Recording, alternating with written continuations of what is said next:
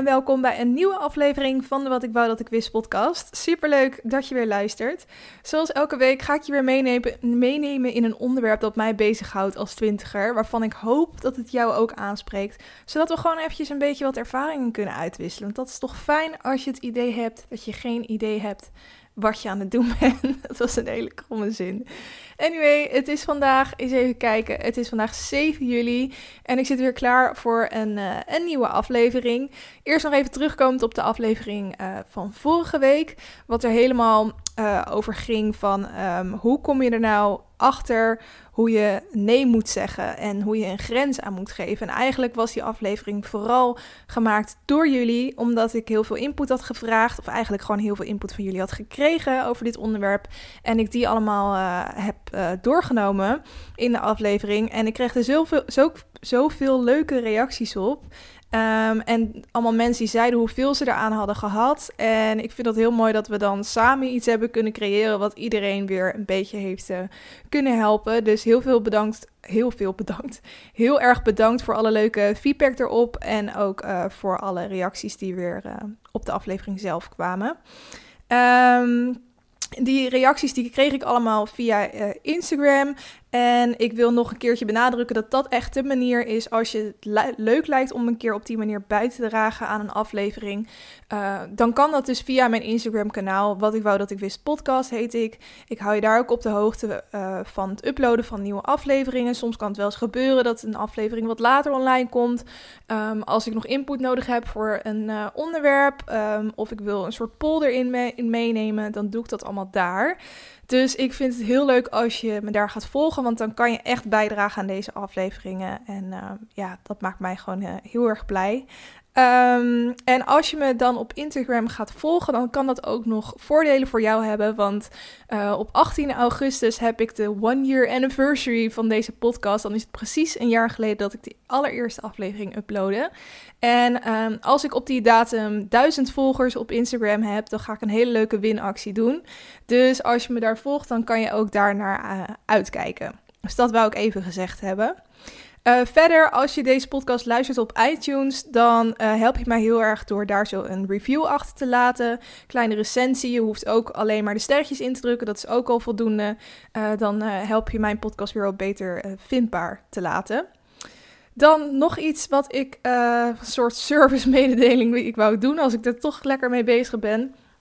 Uh, ik heb pas een interview gehad met Be Your Best Community. Dat is een soort startersplatform opgericht door ABN AMRO.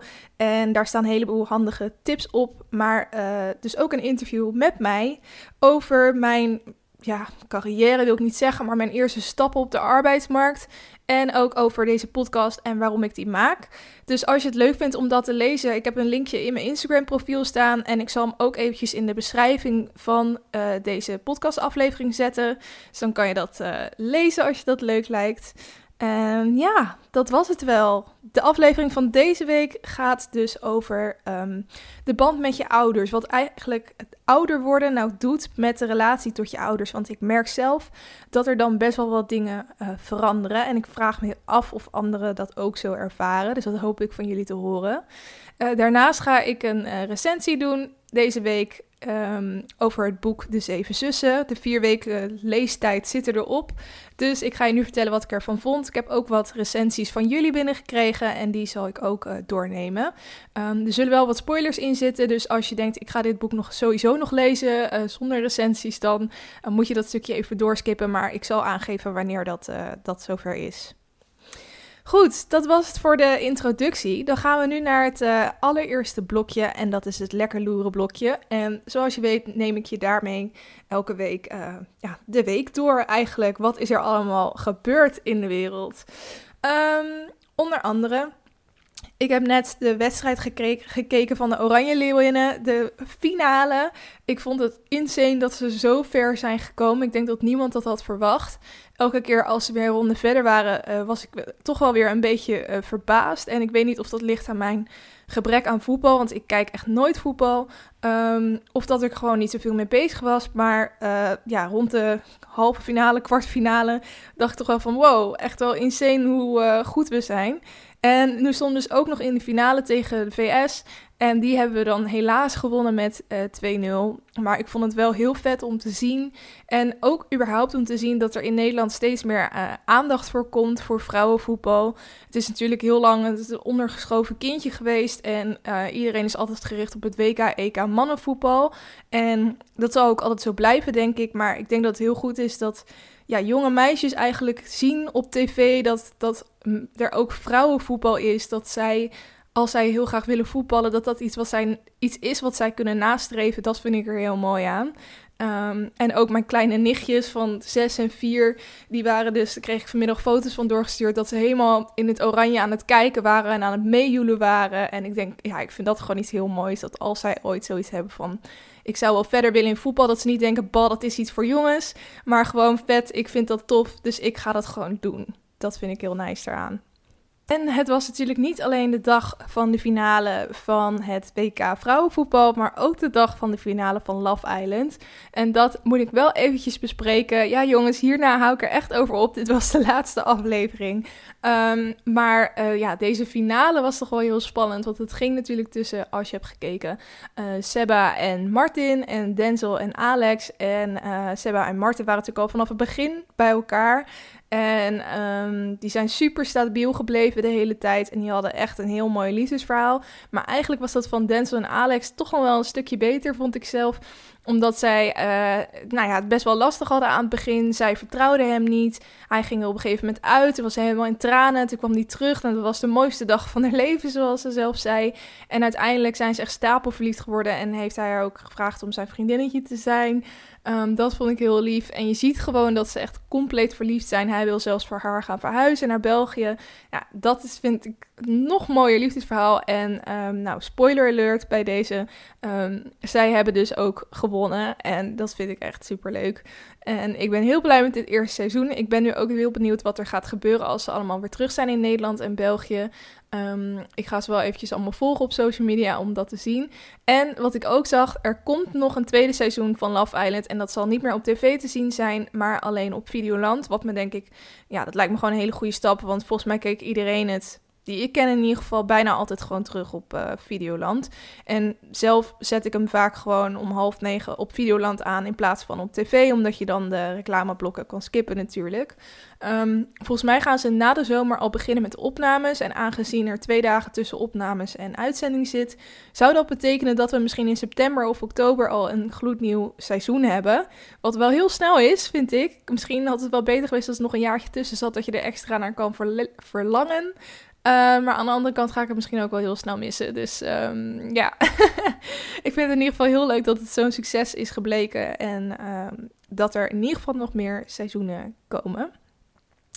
Uh, dan nog een nieuwtje. Fiesse Feur is vader geworden. Ik ben enorm fan van uh, de jeugd van tegenwoordig. En ik zat zijn...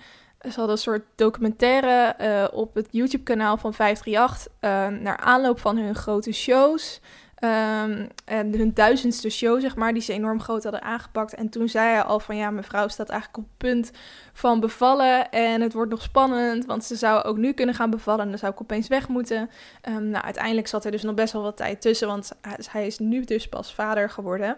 Maar ik, ik vind hem echt zo'n, hij is zo'n lolbroek, weet je wel. Ja, hij kan echt niet serieus zijn. En ik ben dus heel erg benieuwd hoe hij als vader gaat zijn. Uh, Wacht, hij heeft al een kind volgens mij. Volgens mij is dit het tweede kind. Um, dus nou, zo interessant is het dan misschien niet meer. Maar ik, uh, ik was in ieder geval best wel mee bezig. En um, hij had nu dus een foto geplaatst met blauwe muisjes. Dus het is een jongetje. Um, ja, dus dat vond ik heel leuk. Uh, verder, volgend nieuwtje is dat uh, de kleine zeemermin uh, dat daar een remake van gemaakt gaat worden. Er zijn natuurlijk een heleboel Disney-films die een um, ja, real-life remake krijgen. Natuurlijk ook The Lion King, die volgens mij bijna te zien is in de bioscoop. Die trailer was echt al fantastisch. Het is echt insane wat ze tegenwoordig allemaal kunnen doen. Um, met uh, ja, effecten en, en, en dieren tot leven brengen, zeg maar. En nu gaan ze dus ook de kleine zeemermin verfilmen. Wat me ook heel vet lijkt, zo in dat water, al die shots, ik zie het al helemaal voor me. Alleen er was best wel wat kritiek op, want er is nu naar buiten gekomen wie de kleine zeemermin gaat spelen. En dat is de actrice Halle Bailey. Ik hoop dat ik haar naam goed uitspreek. Maar zij is een uh, donkere actrice en uh, dat is waarom zoveel mensen kritiek hadden. Want, um, sorry. uh, mensen hadden kritiek omdat, um, ja, in principe de manier waarop de kleine Zeermin is opgetekend, het origineel, was ze gewoon blank en had ze rood haar. En de actrice die haar nu gaat spelen is donker en heeft dus ook donker haar. Dus heel veel mensen um, vinden dat stom, omdat de film dan te veel zou afwijken van het origineel. En ja, ik, aan de ene kant snap ik die kritiek. Aan de andere kant denk ik dat het heel goed is dat er andere uh, meisjes ook wat meer kunnen identificeren met Disney-prinsessen. Want als je nakijkt wat voor Disney-prinsessen er zijn, dan zijn donkere vrouwen echt zwaar in de minderheid. En dit zijn toch wel de verhalen die je ja, kinderen gaat blijven vertellen en laten zien. Want het zijn echt classics. Sommige komen uit uh, de jaren 1920 of zo. En dan heb ik ze gezien in mijn kindertijd en heel erg gedacht dat ze uit die periode kwamen, omdat ik ze toen zag. En ja, ze moeten natuurlijk wel gewoon met de tijd meegaan. Dat kan niet anders. En ik denk dat dat alleen maar iets heel goeds is, eigenlijk. Um, ik, ik hoop stiekem wel dat ze haar haar rood houden. Want er zijn ook gewoon uh, donkere vrouwen met rood haar. En ik vind dat wel echt zo'n key feature van de kleine zeemermin. Maar goed, als het donker wordt, boeit mij dat eigenlijk ook niet zo heel veel. Um, maar je ziet het natuurlijk ook bij bijvoorbeeld de remake van Aladdin. Daar hoorde ik, ik ben er zelf nog steeds niet heen geweest, shame on me. Maar uh, daarin was Jasmine dus ook veel feministischer dan dat ze in eerste instantie in de opgetekende versie was. Um, ja, Disney is wel een soort nieuwe weg ingeslagen. Ik ben ook wel benieuwd wat jij daarvan vindt. Um, of je het stom vindt dat ze dit doen en dat ze gewoon maar bij het origineel moeten blijven. En dat er op andere manieren feministisch gedaan kan worden, maar dit niet. Dat ze hier vanaf moet blijven. Kan ik me ook voorstellen. Of dat je zoiets hebt zoals ik van vet, dat ze zich daarmee bezighouden en dat ze uh, ja, het aanpassen naar de huidige tijd. Let me know. Dan gaan we nu door naar het uh, LKL'tje, waarin ik je uh, lees, kijk en luistertips geef. Ik begin even uh, met de luistertip en ik sluit straks af met de leestip, omdat dat een iets langer verhaal is.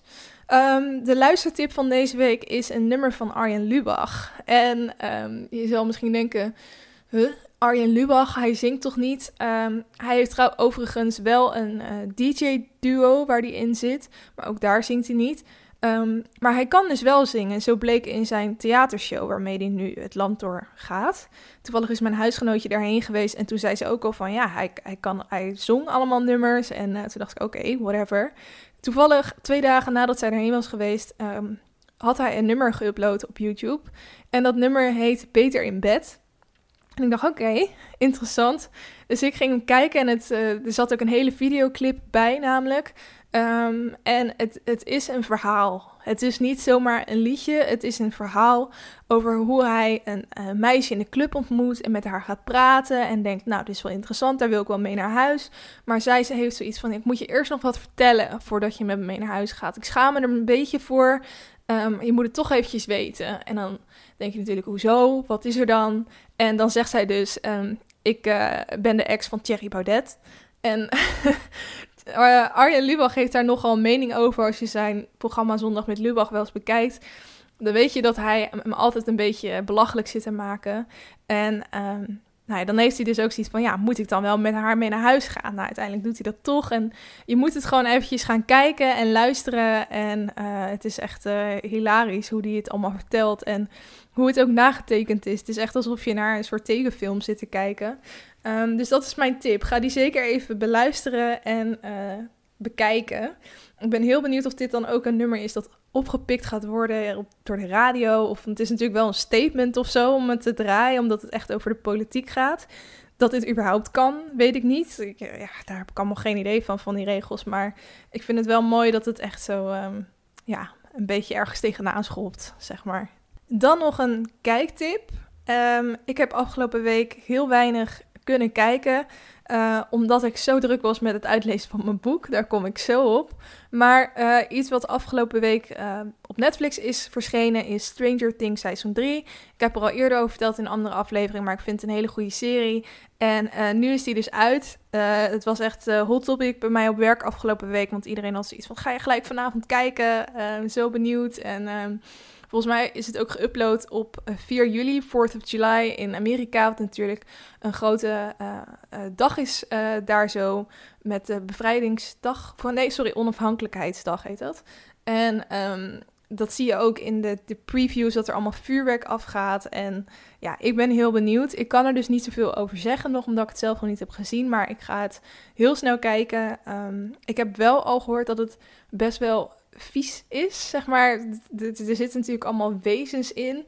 En die wezens vond ik in vorige seizoenen al erg uh, goor qua geluiden, glibberige geluiden en um, hoe het eruit zag en, en droop en dat soort dingen. En dat um, moet nog erger zijn in dit seizoen. Dus mijn, uh, ik hou in principe niet zo heel erg van sci-fi, dus dit zat al best wel tegen het randje aan voor mij. En nu ik hoorde dat dat ook nog erger is gemaakt, um, heb ik wel zoiets van, oh, ik zal die stukjes wel eventjes een beetje door moeten spoelen, ben ik bang. Maar um, ja, ik weet gewoon hoe goed het verhaal is en, en hoe, hoe vet die shots ook zijn die ze erin hebben.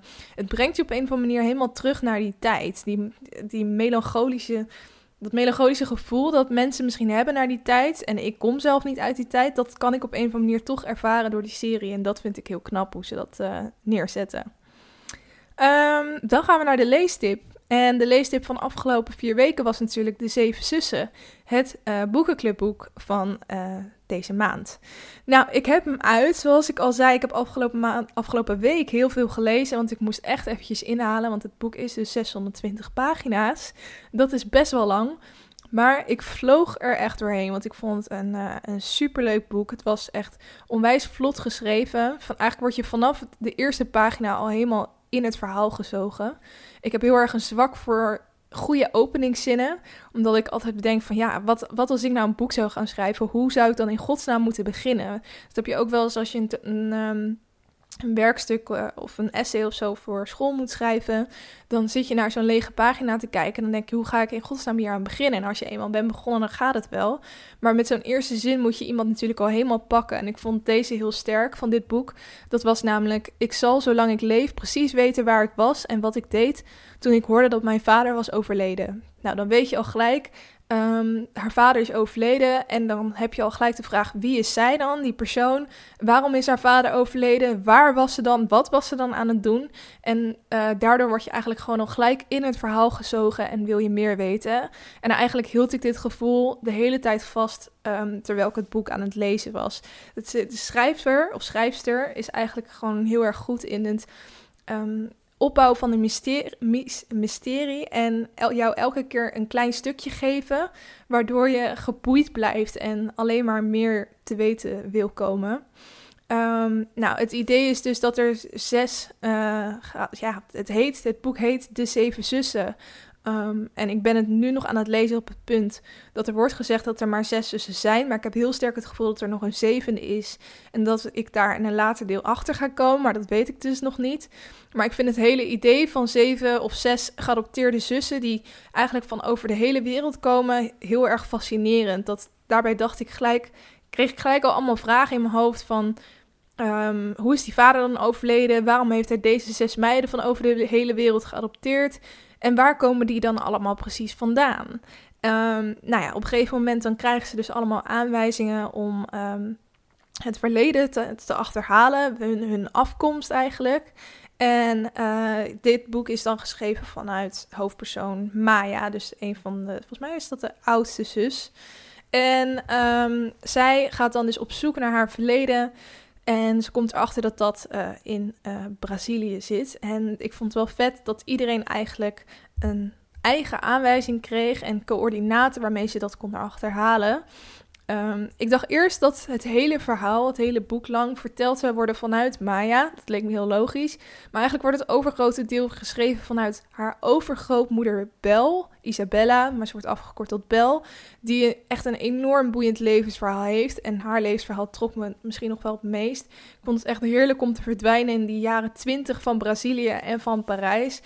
En ik vond het heel leuk om mee te krijgen wat er toen dan leefde. Dus de koffieplantages die de vader van Bel dan had. Of um, dat uithuwelijken toen nog heel normaal was om dan je status omhoog te krikken.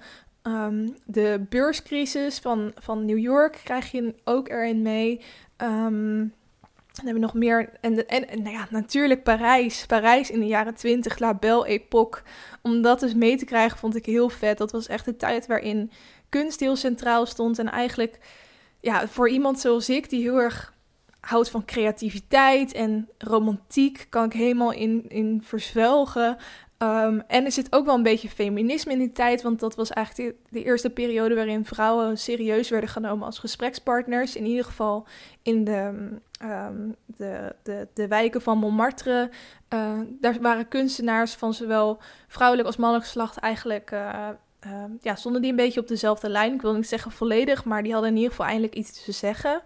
Uh, en ja, eigenlijk alles wat er over die tijd is gemaakt, daarvan denk ik, ik zou wel eens gewoon een dag willen ervaren of een week willen ervaren in die tijd.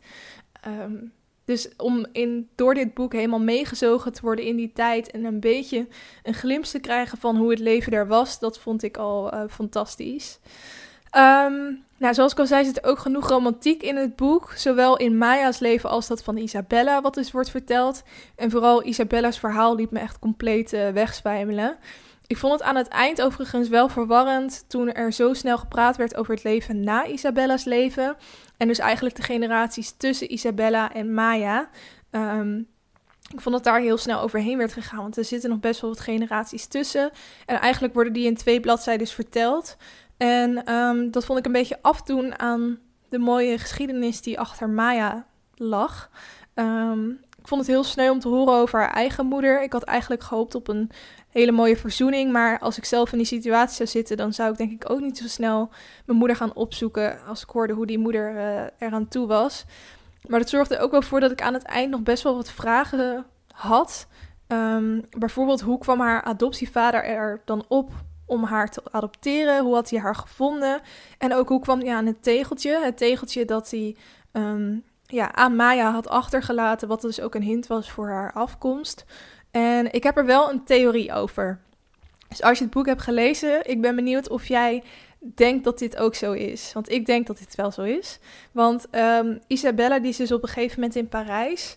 En um, zij loopt dan dat atelier uit en dan ziet ze dat er een straatjongetje daar ligt.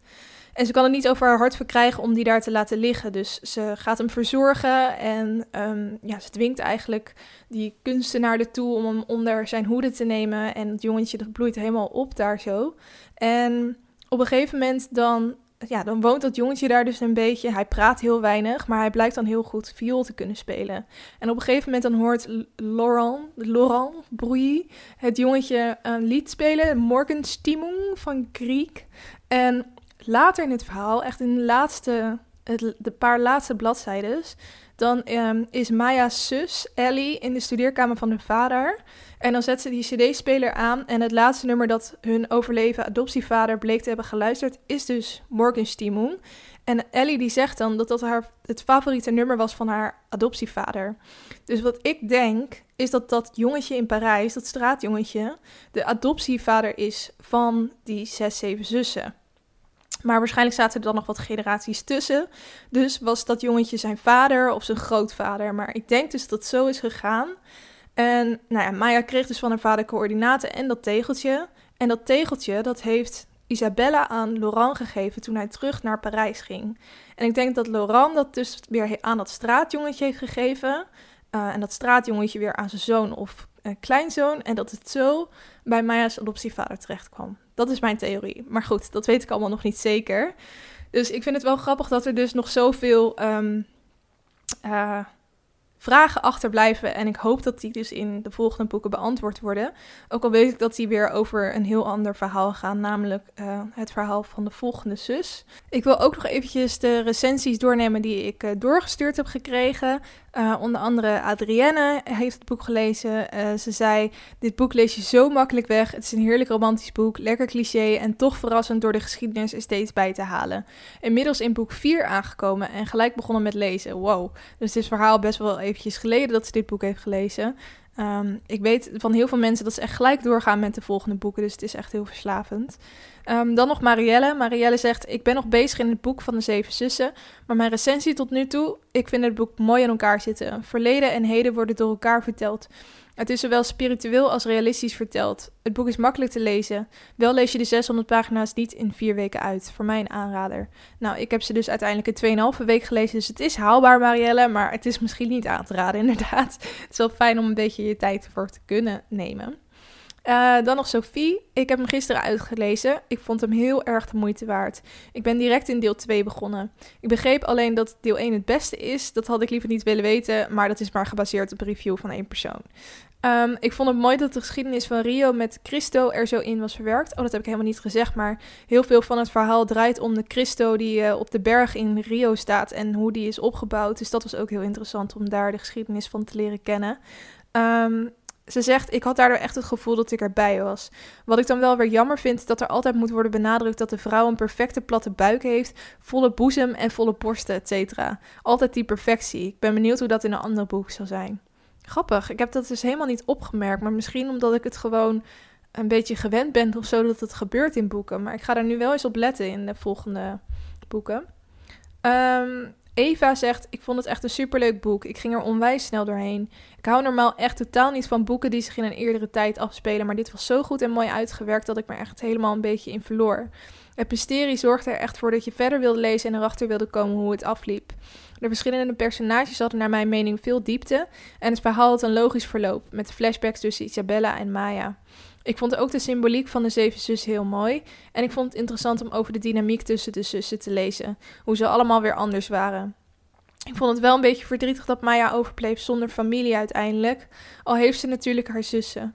Al met al vond ik het verhaal heel vlot, beeldend en gedetailleerd geschreven. Ik vloog er doorheen als een trein en ik ga zeker de andere delen lezen. Ik hoop dat die net zo goed zijn. Dus dat waren de uh, reacties allemaal. Ik hoop uh, dat je het interessant vond. En uh, ja, dat je hierdoor het boek gaat lezen of dat je dit geskipt hebt en denkt, uh, ik ga dit een keer luisteren als ik het boek al gelezen heb, want ik kan me ook uh, voorstellen dat ik nu te veel spoilers heb gegeven, maar ik heb gewaarschuwd. um, het volgende boekenclubboek gaat niet De Zeven Zussen deel 2 zijn, want ik wil, uh, dan ben ik volgend jaar nog steeds met De Zeven Zussen bezig en dat maakt een beetje een saaie boekenclub. Dus ik ga die er gewoon naast lezen elke keer. Maar wel een nieuw boekenclubboek aankondigen voor de aankomende maand. En uh, dat boek is No Filter van Jamie Lee. Um, zij heeft vorig jaar rond deze tijd ook een boek uitgebracht. En dat heette Sexy But Tired But Sexy. En uh, dat boek had heel veel kritiek gekregen. Ik heb het zelf ook gelezen. Ik kijk heel graag naar de vlogs van Jamie Lee. Want als je haar dus nog niet kent, zij is een... Um, dame van in de 30 met uh, twee super schattige kindjes en een leuke man. En ze woont in Amsterdam. En um, zij vlogt dus elke week en um, uploadt video's op YouTube. Ik volg haar ook op Instagram. En ze houdt heel erg van mode, van interieur. Het zijn allemaal hele mooie plaatjes. En um, ja, ik vind haar dus ook vooral gewoon heel erg grappig in de video's. Dus vandaar ook dat ik vorig jaar haar boek had gelezen, Sexy But Tired But Sexy. En eigenlijk ging dat een beetje over ja, ze vertelde heel veel anekdotes over haar leven. en probeerde daarmee een beetje relatable te zijn. Uh, maar deed dat wel met een flinke dosis humor. Alleen uh, op een gegeven moment toen was er ook een um, hoofdstuk over je man tevreden houden. En heel veel mensen vonden dat ze daarin iets te ver ging. Dat, ze, uh, dat je je man niet kon opeisen dat jij maar seks met hem moest hebben. En dat het niet feministisch genoeg was geschreven. Um, nou weet ik dat zij het echt wel heel humoristisch heeft bedoeld. Ik kan eigenlijk beide kanten een beetje begrijpen. Ik denk dat de media iets te heftig heeft gereageerd. Dat zij misschien iets betere woordkeuze had moeten nemen. Um, nou ja, Allah. Uh, ik ben in ieder geval alsnog wel heel erg benieuwd naar haar tweede boek. Um, of ze, volgens mij heeft ze alsnog totaal geen blad voor de mond genomen. En dat kan ik dan ook wel weer waarderen. Um, maar ik ben gewoon heel erg benieuwd naar. Dus ik hoop jij ook. Um, een samenvatting van dit boek. Uh, van bol.com heb ik dit geplukt. Er staat: Jamie Lee's eerste boeksectie bij Tire Het Sexy zal niemand zijn ontgaan. De meest besproken vrouw van afgelopen zomer komt nu met No Filter. Rauwe gedachten van een vrouw die het probeert te maken. In No Filter maakt ze vrienden, fans, critici en volgers deelgenoot van het leven buiten de camera. De worstelingen van een jonge moeder, het geluk van innige vriendschappen, de struggle die real is als je hoofd boven het maaiveld uitsteekt en hoe je karma te vriend houdt. Geen boek voor iedereen, wel een boek dat iedereen zal bijblijven. En juist dat laatste zinnetje maakt me wel heel nieuwsgierig. En misschien kan ik met dit boek ook uh, ja, wat andere reacties uitlokken. Ik gok dat dit wel een boek is waar mensen hele verschillende mening over zouden kunnen hebben. Dus dat is ook wel eens leuk. Dus um, als jij interesse hebt om dit boek ook te lezen, uh, schaf hem dan zeker aan. Vraag hem voor je verjaardag. Leen hem van een vriendin. Um, misschien kan je met vriendinnen wel afspreken dat jullie hem allemaal lezen en allemaal een deel inleggen. I don't know.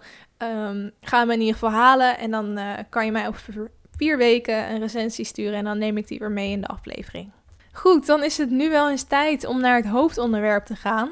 En het hoofdonderwerp is dus de band met je ouders en hoe die verandert als uh, je ouder wordt. Als je zelf ouder wordt. Niet ouder als in vader of moeder, maar gewoon um, elke keer een jaartje ouder wordt.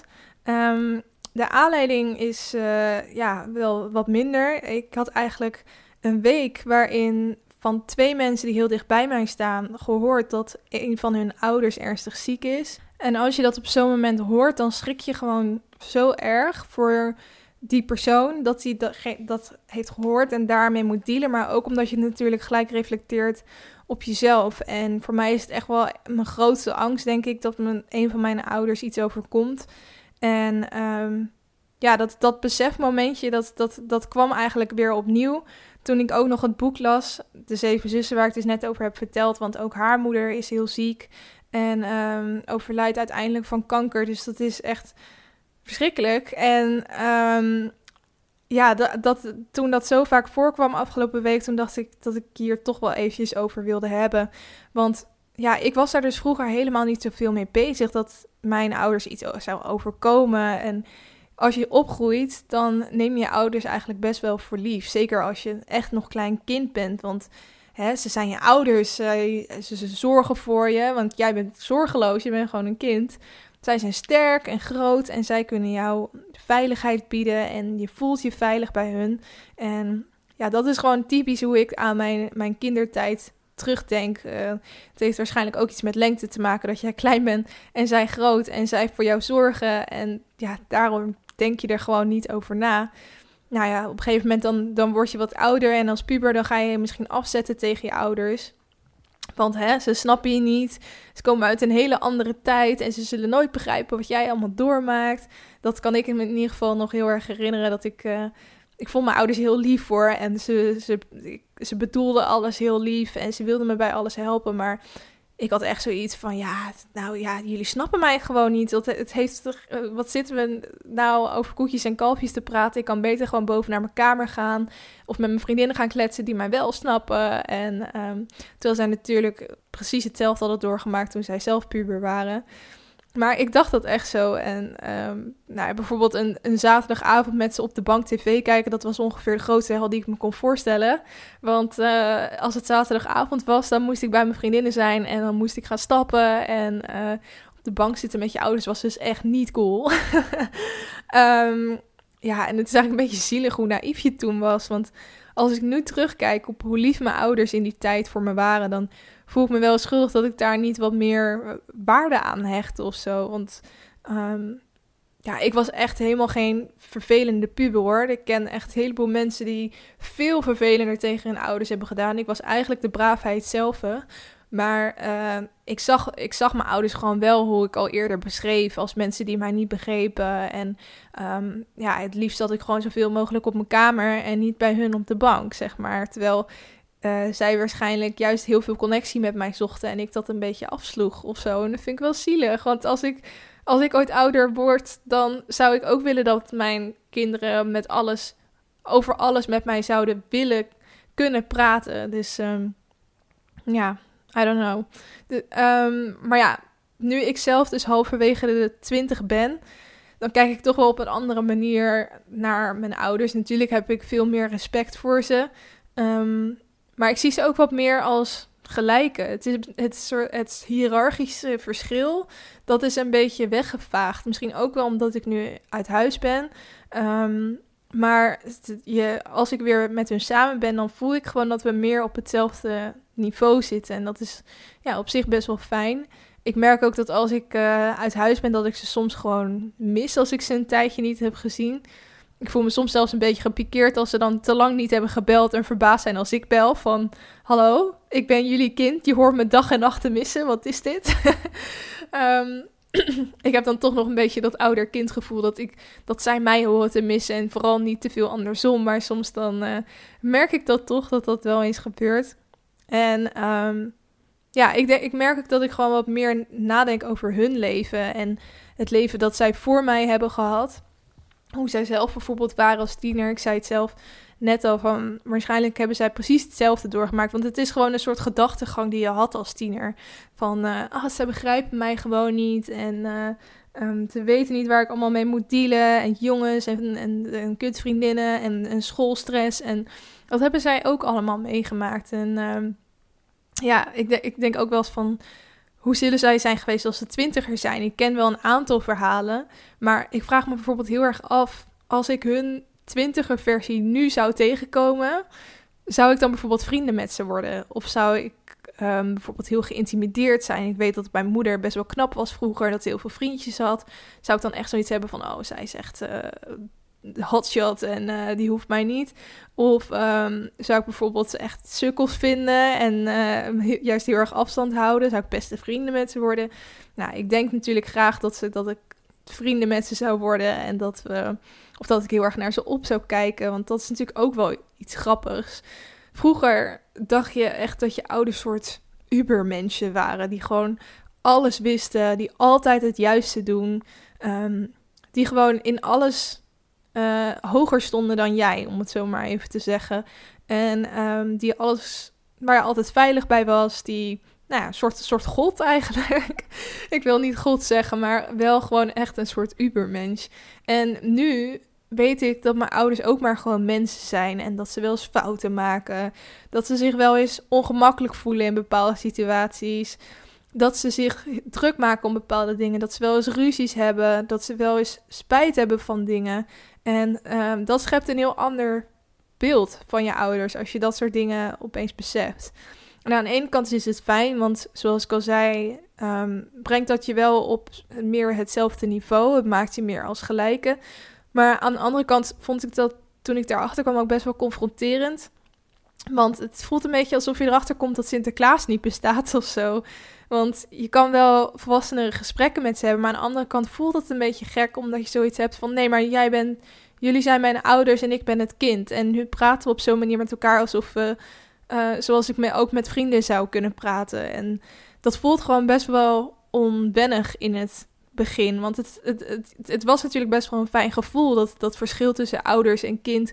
Omdat ze je heel veel veiligheid en heel veel geborgenheid konden geven. En op het moment dat je beseft dat zij ook maar fouten maken en ook maar gewoon mens zijn, dan verandert dat beeld een beetje. En um, ja, dat, dat, dat verandert. Um, dus aan de andere kant dan is dat dus gek en onwennig. Maar het biedt je ook wel kansen om um, meer te leren. Want in eerste instantie had je misschien het idee dat je alleen van hun kennis kon leren, omdat zij gedurende hun leven heel veel kennis op opgedaan en heel veel weten, eigenlijk alles weten. En nou ja, dan kan je heel veel van ze leren. Maar nu kan je ook van hun fouten leren. Want heel veel dingen die jij, waar jij nu mee dealt, die hebben zij al lang gehad. Die kunnen zij, daar hebben zij al een antwoord op gevonden. En als je dat je bedenkt, dan uh, kan je ze veel meer vragen dan dat je in eerste instantie had gedacht. En ja, dat is moeilijk, want dat betekent dat jij ook moet toegeven dat je met dingen zit en dat je even niet weet hoe je eruit moet komen. Maar um, ja, ik denk dat je op die manier wel meer van je ouders kan krijgen dan je in eerste instantie uh, had gedacht.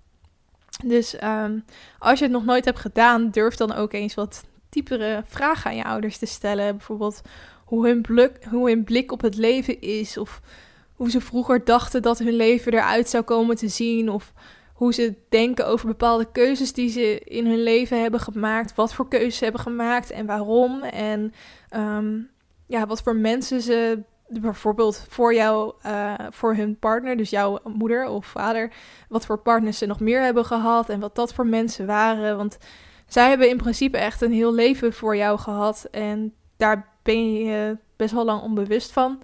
En nu ben ik zelf wel op zo'n punt dat ik denk: geef me alle informatie en kennis die jij al op hebt gedaan. Want ik wil ervan weten en ik wil ervan leren. En zoals ik al zei, voelt het een beetje gek aan het begin, maar het is echt zo interessant als ik dat soort gesprekken heb gehad in het weekend en ik ga dan um, terug weer naar Amsterdam en ik zie ze, dat ze in de voortuin staan en aan het uitzwaaien zijn, dan voel ik me altijd wel een beetje kut. Want dan hebben we net soort mooie um, ja, ervaring gehad. We hebben heel veel gedeeld met elkaar en um, ik heb dan wel het gevoel van ik ben heel dankbaar voor mijn ouders, dat ze er allebei nog zijn, dat ik dit soort gesprekken met ze kan hebben. Maar ik voel me dan ook altijd heel erg ondankbaar dat ik dan wegga. Alsof ik een beetje zeg van, dit leventje bij jullie, dat is voor mij niet genoeg. Want ik ga nu naar mijn leukere leven. En ik heb dat wel eens aan vriendinnen gevraagd die ook uit huis zijn. En die zeggen dat ze wel, wel een beetje hetzelfde voelen. Dat als je dan weer weggaat bij je ouders, dat je, dat je je een beetje ondankbaar voelt of zo. En misschien is het wel anders als je in hetzelfde dorp blijft wonen. Of zelfs in dezelfde straat als je ouders woont.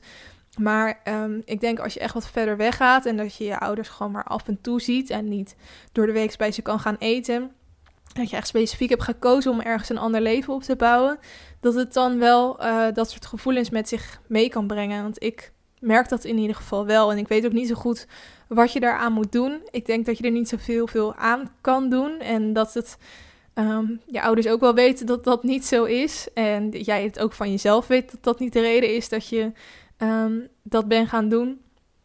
Maar um, soms kan het wel een beetje zo voelen. En nu ik zelf ouder word en mijn ouders ook elk jaar ouder worden, begin ik me ook wel te beseffen dat ik, er, dat ik hun gewoon ga overleven. Er komt een moment dat ik geen ouders meer heb. Net zoals mijn moeder haar ouders ook niet meer heeft. En um, dat lijkt me zo raar dat ik gewoon nooit meer mijn moeder kan bellen als ik me ergens over druk maak. Of dat me nooit meer mijn vader uh, met liefde iets komt repareren, iets wat ik niet kan. En ik merk toch dat ik daar zo onbewust best wel een beetje op leun. En ik kan me er gewoon geen voorstelling bij maken dat dat niet meer kan. En ja, ik probeer daar ook zo min mogelijk over na te denken hoor. Het liefst wil ik natuurlijk dat mijn ouders echt alles mee gaan maken. Dat ik ga trouwen, dat ik kinderen krijg, dat zij die kinderen zien opgroeien. Dat ze eigenlijk bij alle mijlpalen zijn van mij. Maar het liefst ook alle mijlpalen van mijn kinderen. En ik weet gewoon dat dat niet kan. En dat is best wel naar om te beseffen. Dat je ouders er gewoon niet voor altijd bij zullen kunnen zijn. Um, en het voelt ook wel gek om je er al druk over te maken op het moment dat er nog niets aan de hand is. Maar nu ik in één week twee keer hoorde dat iemands ouder ernstig ziek wordt. En die mensen die zijn jonger dan mijn ouders. En dan las ik er ook nog over in De Zeven Zussen. En daardoor word ik me wel weer echt ernstig bewust van hoe weinig controle je eigenlijk hebt over de lengte van het leven van je ouders. En ja, elk, elk moment kan er eigenlijk wel iets gebeuren. Natuurlijk onszelf ook. Maar ja, daar denk je toch iets minder over na. Want de mensen dichtbij je, waar je het meest aan gehecht bent, daar kan je het meest over piekeren. En ja, ik, ik doe dat dan ook wel. Ik pieker wel een beetje over mijn ouders en wat ze um, in nabije toekomst of in een hele lange toekomst kan overkomen. En ik merk ook dat ik, ja, als ik dan weer iets ernstigs hoor, dat ik mijn ouders heel erg aan het waarschuwen ben voor alles. Dat ze niet te veel moeten drinken, dat ze zich moeten insmeren in de zon. Want hè, vroeger dan uh, smeerde iedereen zich in een olie en bleef ze gewoon urenlang in de zon liggen. Of dan, mijn moeder ging volgens mij elke week onder de zonnebank. En um, ja, dat soort dingen kunnen natuurlijk super schadelijk zijn. Um, ik moet dus ook altijd aan om bijvoorbeeld gekke plekjes die ze op hun huid hebben, om dat te laten nakijken. Dat ze niet te lang met klachten blijven rondlopen en snel naar de huisarts gaan als er zoiets is. En ik voel me soms wel een beetje hun ouders als ik dat, dat soort dingen allemaal zeg. Maar ik wil gewoon heel voorzichtig met ze zijn. En ik snap nu ook wel waarom ze vroeger zo tegen mij deden van uh, smeer je wel in, kijk je wel uit. En dat ik echt zeg, stop met zeuren. Maar dat is uiteindelijk allemaal maar gewoon uit liefde, omdat je wil dat ze zo lang mogelijk uh, gezond blijven en, en bij je blijven. En uh, ja, voor mij scheelt het wel dat mijn ouders uh, regelmatig zo'n to total body scan laten doen. Je ziet er misschien wel eens reclames van op tv. Dat is echt steenduur, maar ja, voor mij en voor mijn ouders natuurlijk zelf ook scheelt het wel een heleboel stress. Want ze kijken dan heel je lichaam gewoon na. En um, dan geven ze een paar dingen aan waarvan ze zoiets hebben van... nou, dit is niet ernstig, maar je kan uh, hier wat beter op letten. En uh, ik merk ook aan mijn ouders dat ze dat heel serieus nemen... en dat ze daar dan ook echt mee aan de slag gaan. Dus zoiets is voor mij wel... Um, uh, dat scheelt alweer een beetje stress.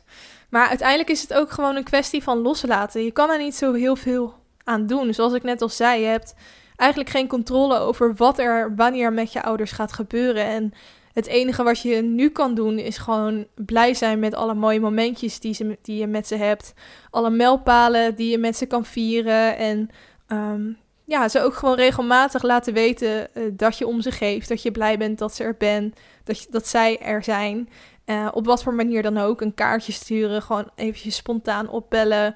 Spontaan gaan eten bij ze. Um, wat dan ook. En ja, dus geef je ouders eventjes een, een extra knuffel de volgende keer dat je ze ziet. En uh, durf ook gewoon te zeggen dat je van ze houdt. Iets wat ik misschien vroeger wat meer moeite mee had, maar waar, waar ik mezelf nu echt wel toe dwing. Want je weet nooit wat er gebeurt en of wat er wel of wat er niet gebeurt. En ja, je hebt er gewoon geen uh, controle over.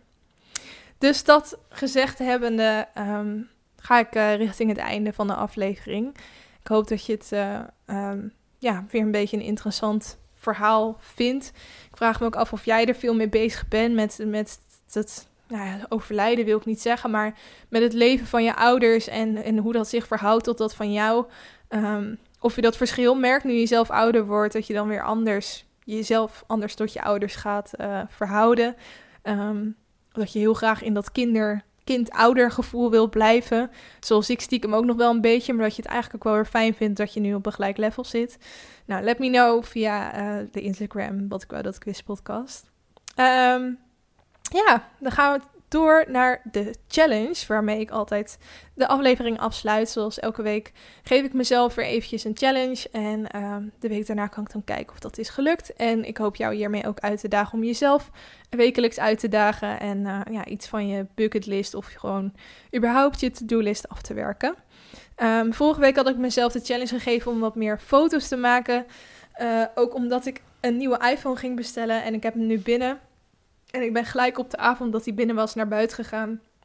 En ik heb toen uh, allemaal foto's zitten maken ermee. En het is echt, echt, echt insane wat je tegenwoordig met zo'n klein apparaatje... Of nou ja, zo klein is hij niet, want hij is weer een formaat groter dan dat ik hiervoor, hiervoor had.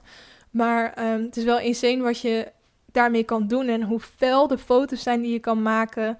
Um, en hoe scherp vooral. Je kan hiermee zelfs in 4K filmen. En nou, dat is echt bizar om te zien. Dus ik ben er super blij mee.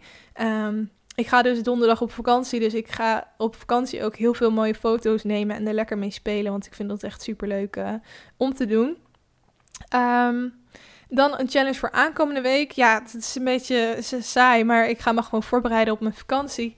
Ik moet nog eventjes uitzoeken of ik alles wel heb. Of ik alles uh, voor mijn outfits heb. Ik vind het toch wel leuk om daar een beetje mee bezig te zijn. Um, en ja, dat eigenlijk. Gewoon spullen inpakken en uh, boeken bestellen. Want uh, ik ga dus de 7 zussen 2 meenemen en het No Filter boek. Dus um, ik zou jullie daar wel van op de hoogte houden en af en toe een uh, update geven vanuit Spanje. Dus um, ik denk dat er volgende week eventjes geen nieuwe aflevering komt. Um, ja, dat wordt toch wel lastig uploaden vanuit Spanje. Maar ik zal wel gewoon af en toe een update geven en jullie ook wat leuke aflevering tippen die ik al heb gemaakt. Dat zijn er inmiddels namelijk al 41. En um, dit zijn, je hebt ze vast nog niet allemaal geluisterd en dan kan ik gewoon af, en toe wat tips geven van joh, heb je deze al geluisterd? En eh, ehm, dan kom je misschien nog achter wat je allemaal gemist hebt. Dus dat, dan weet je dat alvast. En ehm, dan uh, hoop ik dat je er over twee weekjes weer bij bent. Doei doei!